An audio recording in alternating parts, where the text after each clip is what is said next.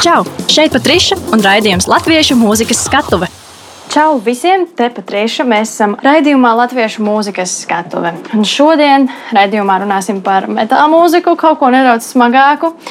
Turklāt ar fokusu uz sievietēm šajā mūzikas stilā. un pie manis tāpēc šodien ir ciemos Kristiāna Kārkliņa no grupas Pamirt. Sveika. Sveika! Un Džēna Steinberga no grupas Ocean Path. Čau! Čau! Prieks jūs redzēt, prieks ar jums iepazīties pirmkārt jau, jo neesmu jūs satikusi. Un arī pirms ar jums sāku sarunu, nedaudz sanāca ieslīgt arī jūsu daļradē, pačakot. Es pati esmu no mazotnes augus un klausījusies diezgan smagu mūziku, līdz ar to forši, ļoti interesanti.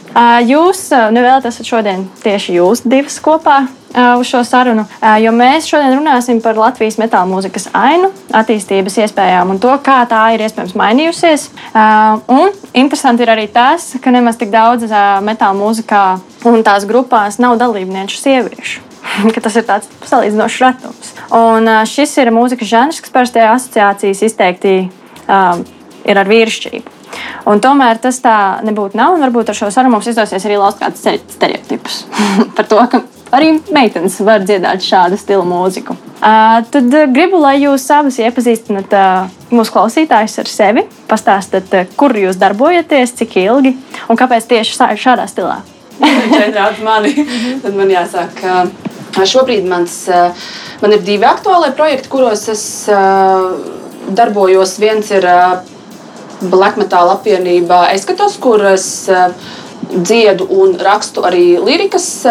Un otrs projekts, kurš šobrīd varbūt ir mazliet tāds vairāk fokusā, fokusā iznācis, ir projekts Pamirt, kuru es izveidoju. Nu, teiksim, tas bija kaut kāds 2017. gada sākumā, sāka rasties jau pirmās, pirmās kaut kādas konceptuālās idejas, un tad uh, 18. gadā mēs sākām, mēs sākām vasaras beigās strādāt jau pie ieraksta, kurš īstenībā lielākā daļa no tā ieraksta, pirmā, ko mēs šobrīd esam izlaiduši, kas saucās Mauzoleum, tas ir tapis Berlīnē. Es kādreiz diezgan regulāri braucu tādās mini-rezidencēs, kur nobukojot studiju uz divām nedēļām vienkārši paņēmu laiku sev, lai strādātu. Kas īstenībā man ļoti labi strādā, un tā ir arī tāda disciplīna. Tu zini, ka tev no 11 līdz 5 vakarā ir studija, un tu arī ej un ļoti mērķiecīgi, mērķiecīgi strādā. Um, jā. Nu, ar mani ir tā, ka metāla mūzikas vidē es esmu kopš 9 gadiem, kopš 90. Un tā mana nokļūšana tieši mūziķa pusē, principā nedaudz nejaušība, jo Um, es esmu pianiste. Uh -huh. Uh, pirmā grupa, kur man palūdza vienkārši paspēlēt, jo vajadzēja taustinieku, bija Jūras kumulka apmēram 2007. 2008. gads. Kaut kāds pāris gadus ar pušiem nospēlēju, tieši taustiņas, tas bija Black Metal projekts. Tad mūsu ceļš šķīrās. Un 2015. gadā man tā dzīvē salikās, ka šausmīgi gribējās atsākt kaut ko spēlēt. Un tieši izrādījās, ka grupa, ko es esmu ieraudzījis pirmajā festivālā Zonas Lēs, kas man nenormāli, nenormāli patīk, es pat ierakstīju Facebookā, ka man ir jāmīļākā grupa, izrādās, ka grupai ir vajadzīgs savs projekts. Un tā es pievienojos grupai Ocean Path, kas ir simfoniskais metāls. Šī brīža status gan ir tāds, ka grupa ir uzlikta uz pauzes, jo grupa ir dibinājis uh, Arthurs Steinbergs, kurš pēc tam, kad es sāku spēlēt, ka viņa tautsības kļuvēja par manu vīru. Un tad mums ir arī bērniņš, mums ir Ragnārs Reinkārts, un attiecīgi visa muzikālā darbība ir uzlikta uz pauzes. Uh, jaunākais albums No Man's Land tika izdots pagājušā gada novembrī, kad jau Ragnārs bija piedzimis. Tas bija tāds uh, ļoti, ļoti saspringti, ka tev, tev ir principā bērns, un tu vēl mēģini sūtīt disku uz draugu. Kaut kā mēs to izdarījām. Nu, lūk, jā, te, apmēram tā. Lieliski! Tiešām interesanti. Jums ir bijusi arī pieredze, varbūt, tomēr spēlēt kādā citā mūzikas žanrā. Nu, tikai tik, cik skolas uh, laikā, nu, ko, skolas kori un, un uh, arī taustiņus mācījos, klavierus mācījos privāti tīņu gados pie, pie pasniedzējas. Tas, tas mācību process var būt tikai vienīgi. Jā. Bet uh, tādā kā publiskā darbībā. Nē, kaut kā visu laiku tas undergrounds ir vilinājis. Nu, man ir astoņi gadi bērnu mūzikas skolā. No visām to izdarījušajos sekām.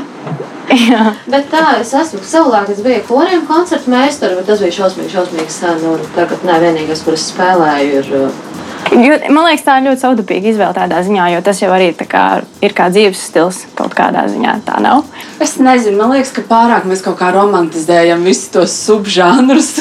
kaut kā arī, arī varbūt tā metāla mūzika un smagā mūzika vispār. Jo, manuprāt, šobrīd sāk iezīmēties diezgan spilgti tas, ka nu, mēs īsti nevaram runāt par tādu vienu konkrētu kaut kādu smagās mūzikas skatu, jo tās, eh, tās dažādas tās formas, viņas visu laiku mainās un visu laiku saplūst, un tad, un tad viņas tiek sapludinātas pilnīgi jau kādā mākslīgā veidā. Tur es nezinu, eh, Baķuška tāds black metal projekts, kas uh, sapludināja tādu nu, kārtīgu poļu black metalu kopā ar, kopā ar ortodoksu krievu dziedājumiem. Yeah koriem.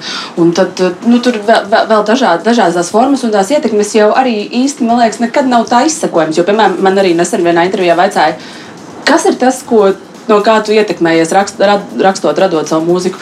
Un es nevaru pateikt, kā vienā brīdī es klausījos, es nezinu, tur uh, Nīnu Simonu vai es klausījos tur Vateinu kaut kādu. Jā.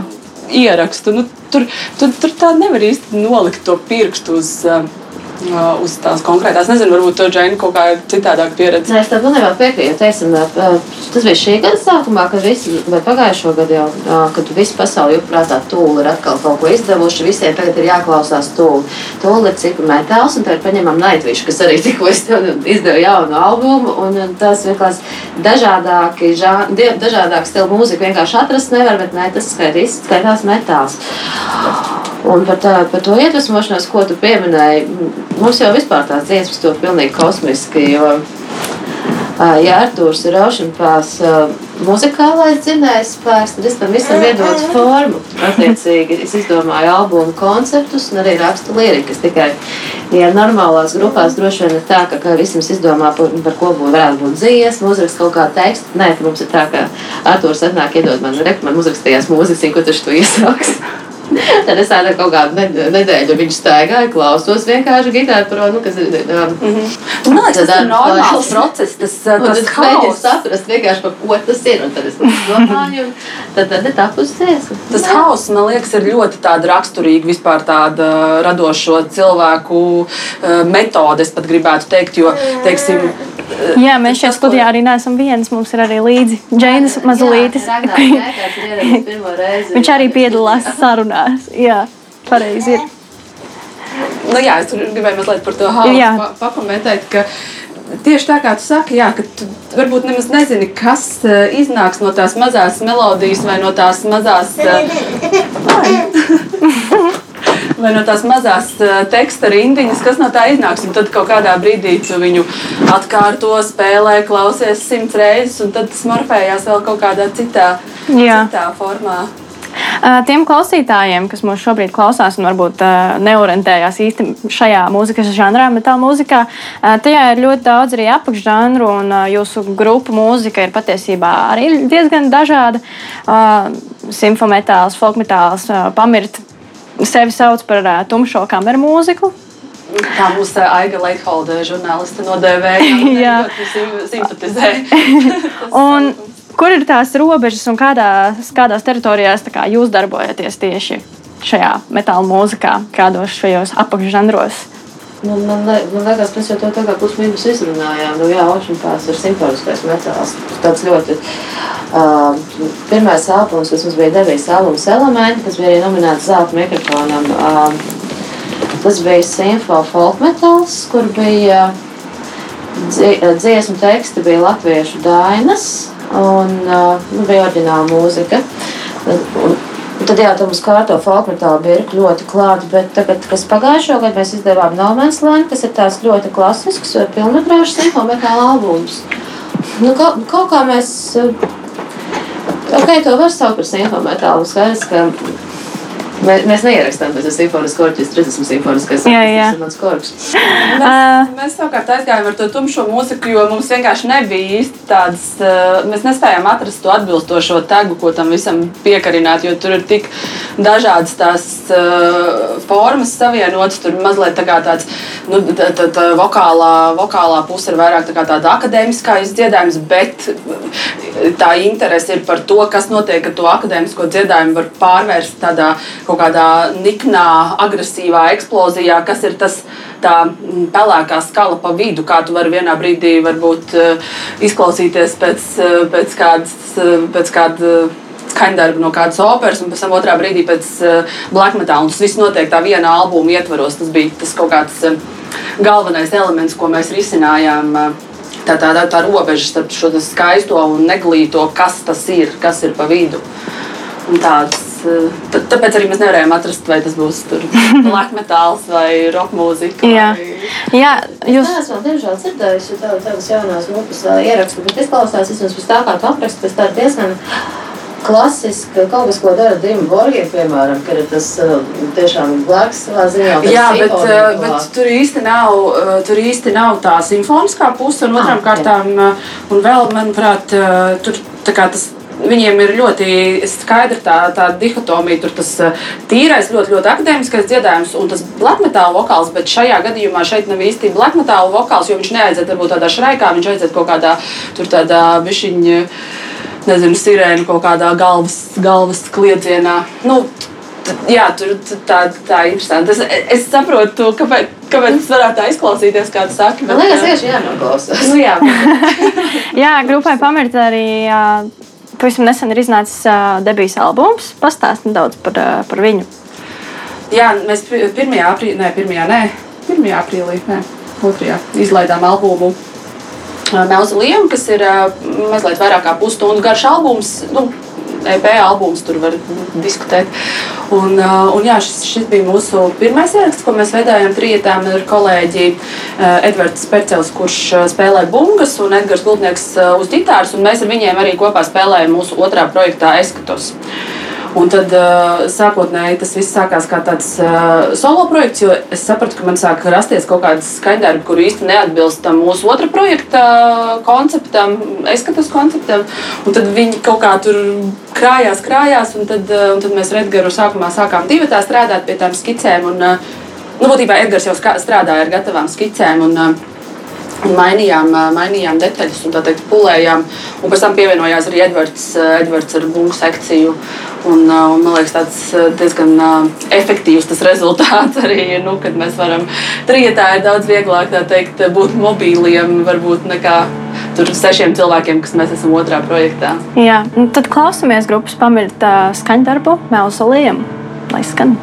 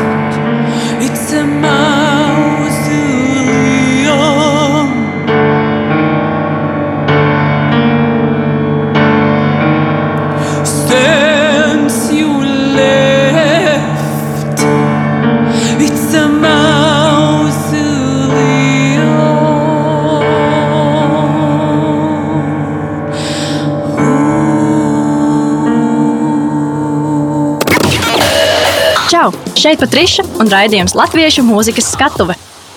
Šoreiz raidījumā pie manis viesojas divas dāmas - Kristiāna Kārkliņa no grupas Pamirt un Džēna Steinberga no grupas Ocean Path. Nu, mēs turpinām šodienas sarunu kopā ar Kristiānu Kārkliņu no grupas Pamirt un Džēnu Steinberga no grupas Ocean Path, kas ir taustaņa instrumentāliste. Ja? Tā te var nodēvēt. Mūziķa. Kā jūs raksturotu Latvijas metāla mūzikas vidi? Kā tā ir mainījusies, varbūt kādu konkrētu gadu laikā? Nezinu, cik jūs, piemēram, ilgi darbojaties tieši uh, uz skatuves ar šo visu, bet varbūt jums ir sava pieredze un jūs varat pastāstīt tādus savus novērojumus. Man ir sajūta, ka, zin, ka nesen bija. Nesen pirmizrādē piedzīvoju ASV filmu, kur galvenā varoņa bija Rodaks, Dāmas un Skrips. Es neesmu vēl redzējis, neskaties. Tas ir labs. Un tur bija tāds, nu, tas nosaukums, mēs, mēs gribējām izmainīt šo pasauli. Un tur viņi nonāca pie tā secinājuma, ka, nu, ko tagad nav sanācis, Bet saprotiet, man ir tā sajūta, ka mums ir izdevies izmainīt to pasauli. Jo, kad es atceros, cik margināli, šausmīgi mēs bijām tur 95. gadā, kad es vispār atklāju savu metāla mūziku, un kā, nu, tas bija kaut, nu, kaut kas tāds ārprāts, ārprāts, ārprāts. Tad tagad metāls viņš ir pilnībā leģitimizēts, viņš ir ikdienas sastāvdaļa. Tas ir brīžiem pat ir uzjautinoši, ka bet, uh, ātrā mode, bet kā un ēmā tu aizēji un nopērci kaut kādas. Nu, tāds metāla stila attribūts, kas tagad pirms gadiem mm. 20 bija tikai specifiskos veikalos atrodami. Man liekas, ka tas metāls, viņš, ja agrāk tā bija ļoti, ļoti subkultūra, nu tad viņš tagad, man liekas, viņi klausās lielākā vai mazākā mērā, tiešām kaut kāda ceturtā, piektā daļa to cilvēku, kas klausās mūziku vispār. Jā. Jā, man liekas, ka tur jau nu, diezgan lielu lomu arī spēlē visa tā informācijas pieejamība, kas mums ir. Tu vari nokļūt diezgan ātri, tur nezinu, no, no viena mākslinieka uz otru, un tur vairs nav nozīmes, vai tas ir eh, metāla mūzikas mākslinieks vai, vai teiksim, popmūzikas mākslinieks.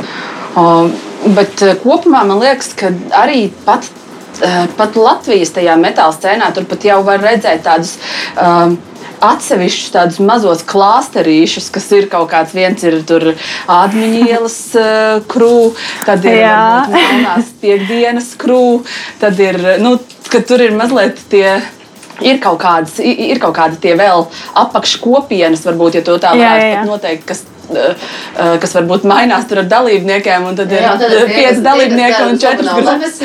Jā, jā, jā, jā, tieši tā. Un tad ir tur dažādi, dažādi tie virzieni. Eh, es pat, es pat neesmu īstenībā tas būtu interesants, interesants varbūt tāda tēze, ko papētīt par to, par to interakciju un, un, un kur, ir, kur tie ceļi krustojās šīm, šīm kopienām. Un noteikti tas nav tikai teiksim, tās divas vai trīs, kuras mēs tikko nosaucām. Noteikti ir vēl visādi, visādi mazie klāstīši šausmīgs pēc Jā, pareizi. Tur, man liekas, tur vienu, vienu reizi gadā ir naktsmaiņa lauķenē. Pareizi, 1. jūnijā, jūlijā neatceros. Nu, vienmēr uh, kaut kur vasarā ļoti karstā, karstā telpā ar brīnišķīgiem koku paneļiem, tādā padomju, uh, padomju tādā kultūras nama stiliņā zālē ir, ir lielisks, lielisks pasākums. Un, un parasti arī jā, nu, mūziķi, kas, kas tur uzstājās, ir, eh, ir labi, labi atlasīti un interesanti mākslinieki. Bet vispār man liekas, ka uh, mēs jau vairs nevaram runāt tikai par Latvijas kontekstu.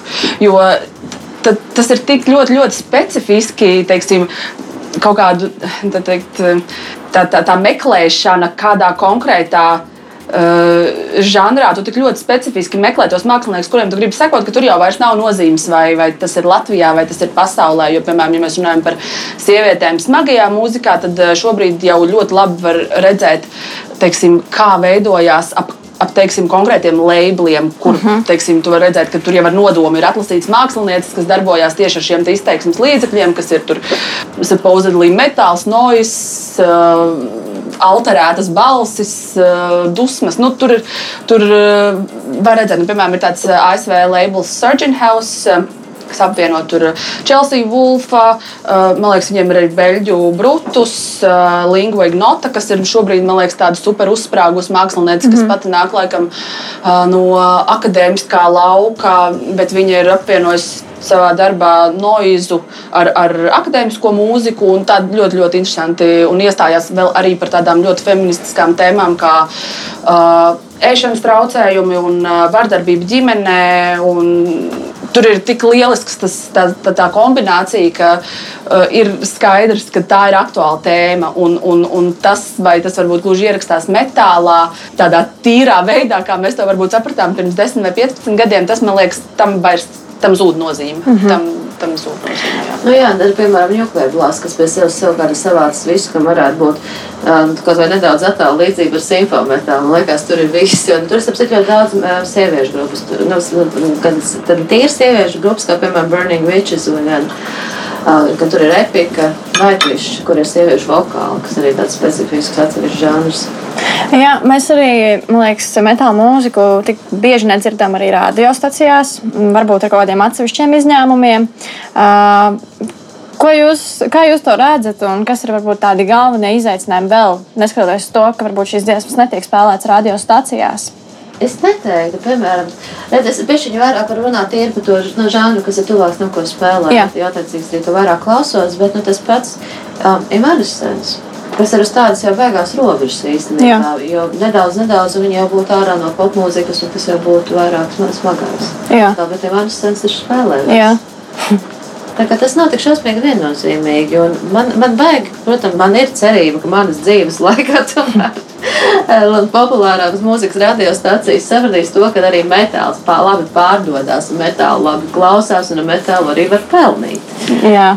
Bet, nu, lai to varētu izdarīt, visi iesaistītie, kādam ir jāspēr tas pirmais solis un būt baigi forši radio, tomēr nu, pievērst uzmanību kvalitīvai metāla mūzikai. Nav, nav tā, ka mazliet tomēr eh, tas, ta, tas 15 gadu atpakaļ kaut kāds tāds eh, aizspriedums vēl mazliet dominēja kaut kādā tādā ārpus, eh, ārpus subkultūras Jā. uztverē, jo, teiksim, nu, metāls visiem vienmēr ir asociējies ar, ar kaut ko tādu traku, un tur visi kliedz un drausmīgi daudz tos instrumentus, un tur ir overdrivots ģitārs pāris. Viss ir, viss ir, šaus... mūzikas pārstāvja vēl nenormālāk. Viss ir šausmīgs troksnis, bet ja tu pasties uz, bet, ja tu pasties uz to formu un, teiksim, analizē to formu, kādā, kādās formās vispār šobrīd nāk smagā mūzika, supposedly smagā, tikpat labi smagā mūzika, varbūt arī, es nezinu, tur uh, reps vai, vai noise vai elektronika. Nu, tas smagums jau nav tikai tajā, cik tu vari traki to savu instrumentu spēlēt, bet, bet, bet tajā, kā, teiksim, tu būvē arī Jo man liekas, ka viss basically nonāk uh, atpakaļ līdz tam songwritingam, līdz spējai, kā tu uzraksti dziesmu. Ja tev ir tas, uh, tas uh, komponista talants un tas pieskāriens, tad, tad, tad ir. Un ja nav, tad nav.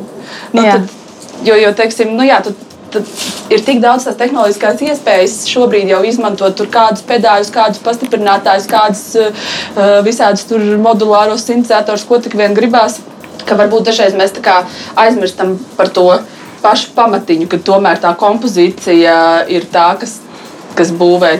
Jā, nu tev, piemēram, pagājušo gadu iznāca ārā ļoti foršs projekts, projektu Vēlnu rāds. Piefiksēji? Nē, vēl nē. Kā tas albums saucās? To ierakstīja mans bijušais kolēģis Nūrs Edgars. Un tur ir principā par pamatu paņemts Raina gals un sākums teksti. Bet kāpēc viņu piemina?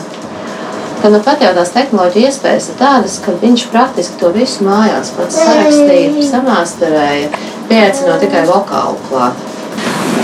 Un, labi, protams, ir kaut kāda kaut kādu brīdi, kad tev ir jāiet tādā studijā iekšā, un tas un, un, ir jāmeklē cilvēks, kas to var izdarīt. Bet uh, tas nav obligāti. Nu, nav visām jāspērās uz kaut kādām. Bet tas savukārt atkal mūs vairāk pakļauj tam.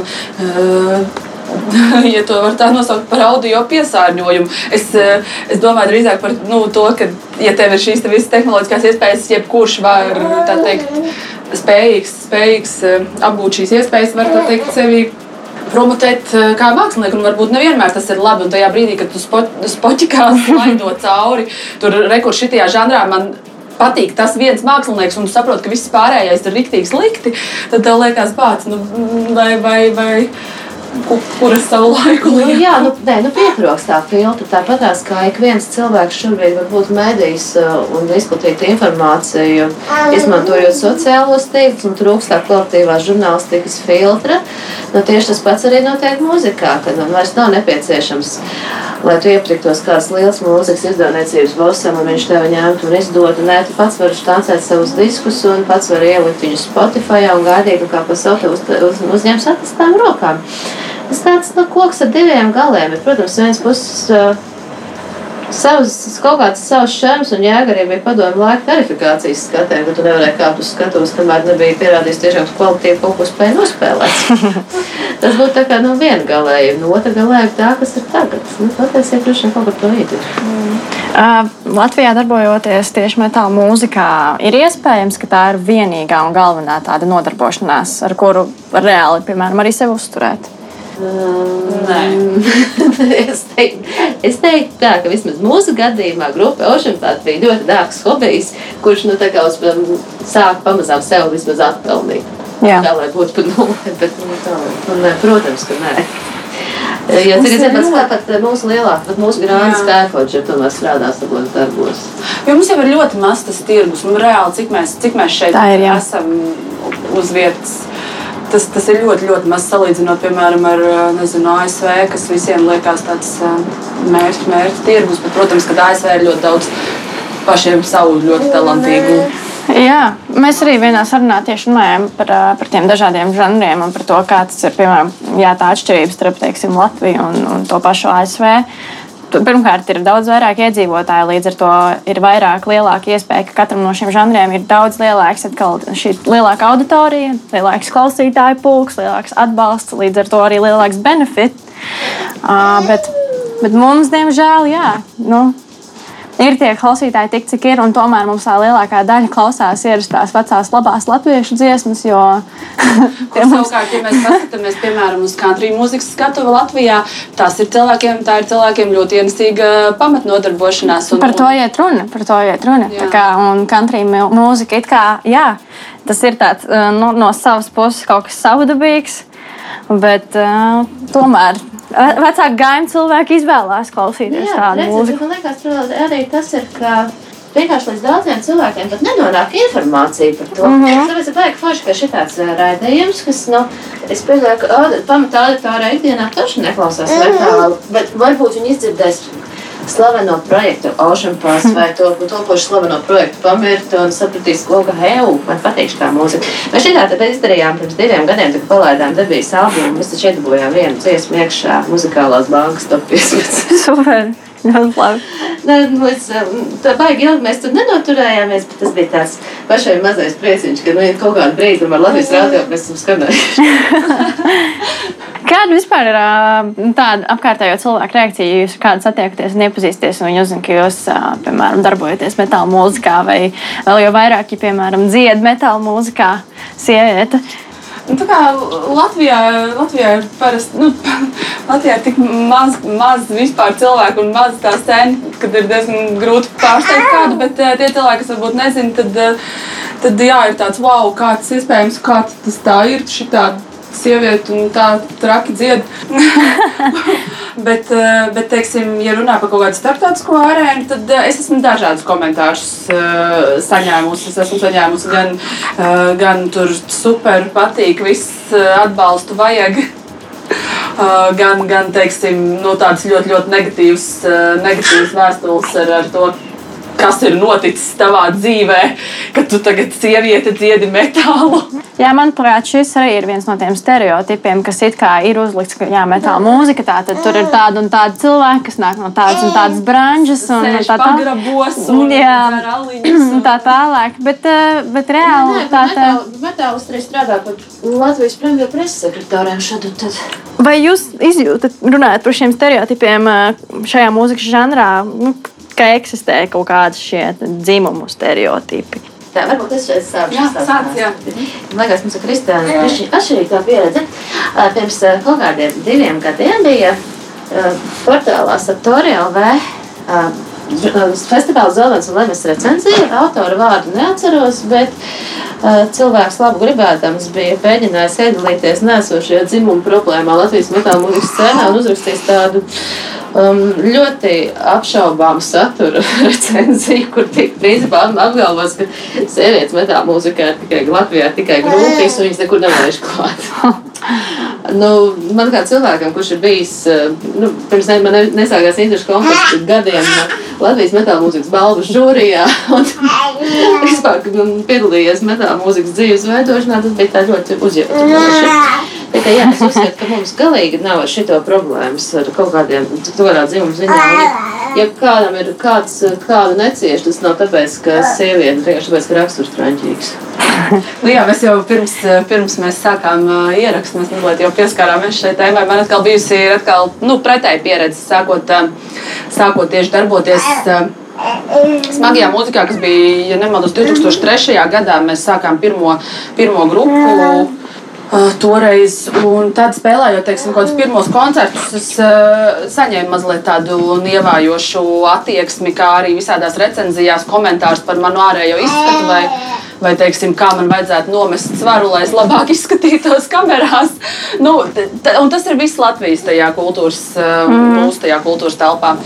Un, uh, Bet, nu, bet, bet Kristiāna, man liekas, to, ka svars jānomet, ja to dzirdēs pilnīgi jebkura žanra dziedātāja, neatkarīgi no tā, ka nu, tas Nē, ir tāds standarts. Bet, bet, bet kā, es, tas nenozīmē, ka es to attaisnoju jebkurā citā žanrā. Nu, kā, mm -hmm, uh, tam, tam nekad, tas sākotnēji tas vērtējums nebija par to, ko es daru un cik labi es to daru, bet kā es izskatos to darot nu, vienmēr sakot, eh, vienmēr sakot eh, nu, pieredzes ir dažādas. Un, un, un man īstenībā prieks dzirdēt, ka ne jau visiem un ne visām sievietēm ir. Eh, nu, redz, ir īstenībā jau mēs ar Kristiānu, man liekas, katra pārstāvam pilnīgi dažādu to metālu žānru. Jo, redz, simfometālu, tas, ka mēs vēl tur kā sievietes, mēs tā ļoti uzsveram savu sieviešu skatus. Tā, un organiski tā. Tas ir, tur ir korsetes, tur ir garie svārki, tur ir volāni, tur ir beigās frizūras, mūždien, var sakot, nu, tādas gautu cacas. Uh, un tad ir otrs, kur ir vienkārši meitenes, kas ir ļoti virtuozas un uh, iet nevis ar to, ka redzēt, es esmu sieviete un spēlēju metālu, vienkārši redzēt, es esmu, es vienkārši es dziedu un spēlēju metālu. cilvēks un spēlēju metālu. Tieši tā. Jā. Mēs esam pietuvojušās arī Ocean Path grupas pirmajam skaņdarbam Zemes vārdi. Varbūt Džēna var pastāstīt nedaudz par šo dziesmu. Zemes vārdi ir no mūsu debijas albuma elementi. Elementi bija nominēti zelta mikrofonam, un tagad mēs par elementiem vēl dabūjām balvu kā labākā Latvijas metāla mūzikas koncertu grupa. Dziesmas ierakstāja, kā viesis un draugs ir piedalījies Pēters Petkauskas no Skyforger, kurš iespēlējas koklīti. Un principā tie ir sākumā tas rečatīvs, ko Artūrs skandē, tas ir tādi ļoti spēcīgi aizsardzības buram vārdi. Jā. Lūk, tāda tā dziesma. Jā, klausāmies. Klausāmies. Es piedzīvu celžā pērnis, notērauda māmuliņš. Es apģērbu celžā svīti, tēraudīņā kažoti. Es aizgāju uz tīreli, ar ziemēli spēlēties.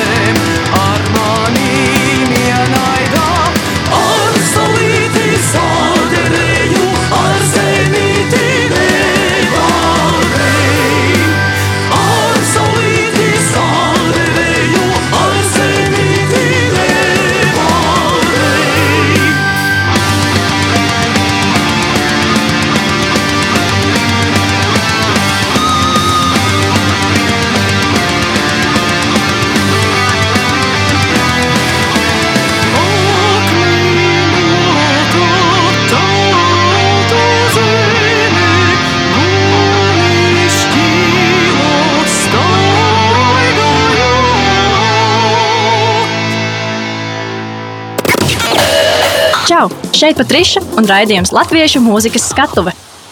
Šoreiz raidījumā pie manis viesojas divas dāmas - Kristiāna Kārkliņa no grupas Pamirt un Džēna Steinberga no grupas Ocean Path. Mēs turpinām sarunu, un es gribu, lai jūs pastāstītu nedaudz par jūsu personīgo tādu muzikālo pieredzi, kas ir ā, sagādājusi vislielāko gandarījumu. Varbūt ir arī bijuši kādi tādi lieli pagrieziena punkti, kas ir devuši ļoti lielu tādu grūdienu atspērienu jūsu šajā karjerā, metāla mūzikā. Grūti varbūt tā uzreiz to pirkstu nolikt uz kādu konkrētu gadījumu, bet eh, man liekas, ka Latvijā jau vispār diezgan vienkārši ir visas lietas darīt. Tu zini, nu, uz kuru no divām ierakstu studijām būtu jābrauc ierakstīties, Jā. kas tev būtu jādara, un diezgan ātri tu vari tikt arī pie tā rezultāta. Kaut gan, nu, protams, nevienmēr tas tā ir, jo citreiz tu varbūt tā teikt, savā mākslinieckajā procesā mazliet pazūdi, un, un, un varbūt tur trīs mēnešu vietā tev paņem pusgadu to albumu uztaisīt. Uh, Bet uh, visā vismā man liekas, ka varbūt drīzāk no tādām ārpusējām pieredzēm. Tāds, tāds ceļojums, kur, kur es jau biju strādājis kādu laiku pie demo ši, šim albumam, un tad aizbraucu uz tādu festivālu, kas ir um, Nīderlandē, Tilburgā pilsētā, uh, Roadburn, kas ir viens no tādiem tā kā, smagās mūzikas uh, top festivāliem uh, Eiropā. Un, uh, tur, protams, viss tas lainams bija viss kā mūziķis, kurus es klausos, un bija viss tur, viss, arī, arī sievietes mākslinieces, kuras klausos. un Tas, tas bija tāds lielisks, uh, lielisks brīdis, kad ejot mājās no kāda koncerta. Es klausījos naktī to dēmu, un vienkārši tāpēc, ka es nebiju kādu laiku viņu klausījies, un man vajadzēja kaut kādus komentārus uh, nofokusēt, un es klausos to dēmu. Un, es tā kā nejūtu, un es jūtos labi, un es, man patīk, kas tur skan, un man patīk, kā tas ir.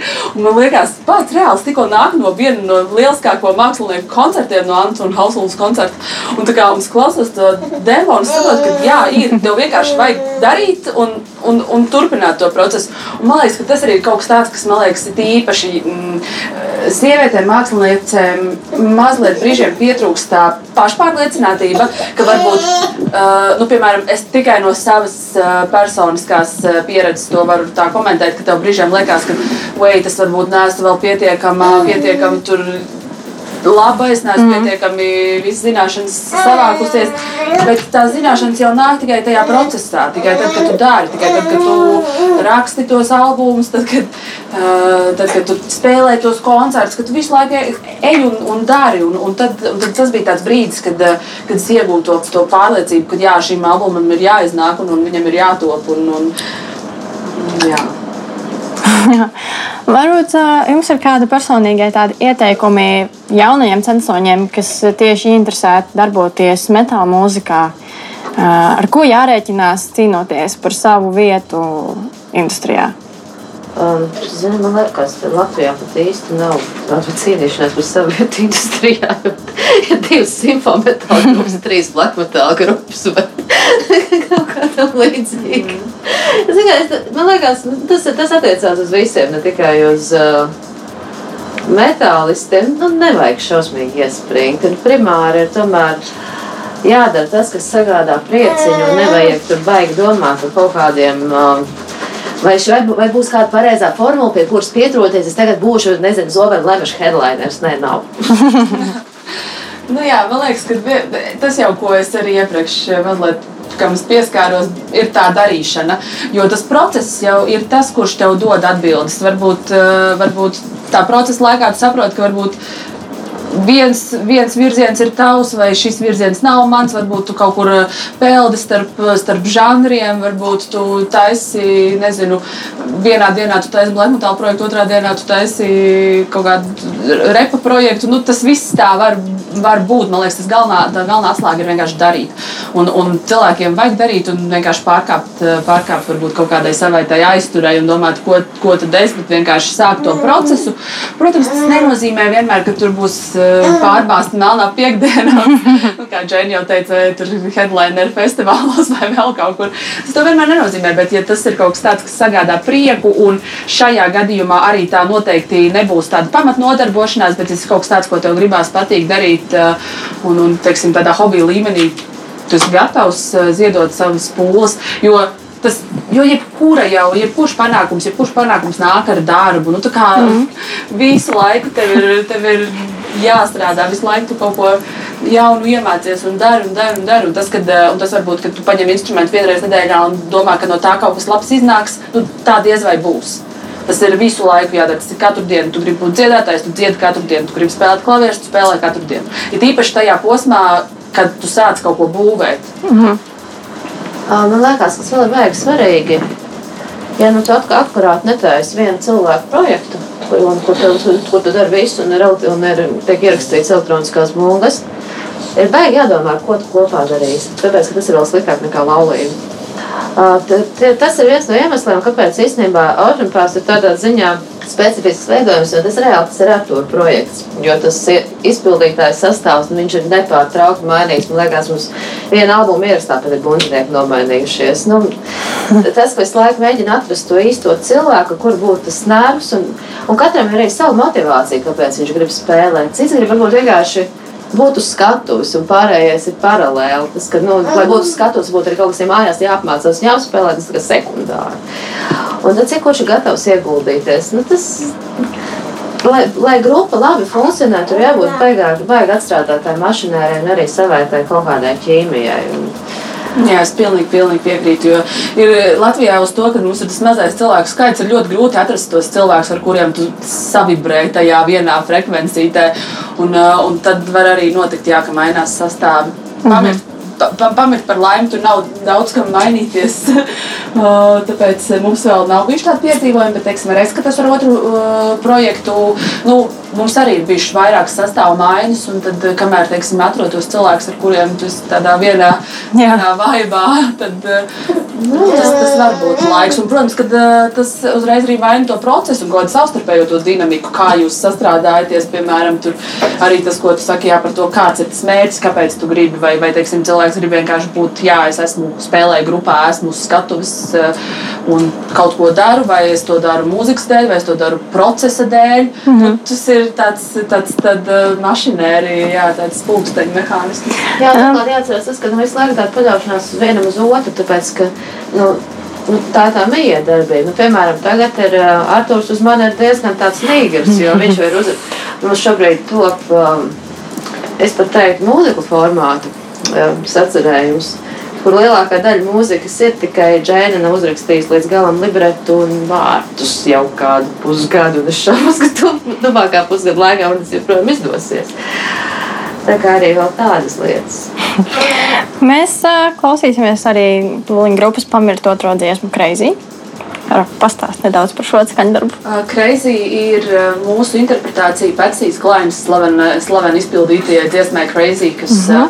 ir tāda ļoti, ļoti ikoniska dziesma. Man viņa vienmēr ir, man vecstāvs kādreiz ļoti, ļoti daudz klausījās visus, visus Amerikas mūziķi. Mums bija lentas, pla, mm -hmm. ne plats, ne lentas mājās. Ir, un tā bija arī viena no, viena no dziedātājiem, ko viņš uh, klausījās.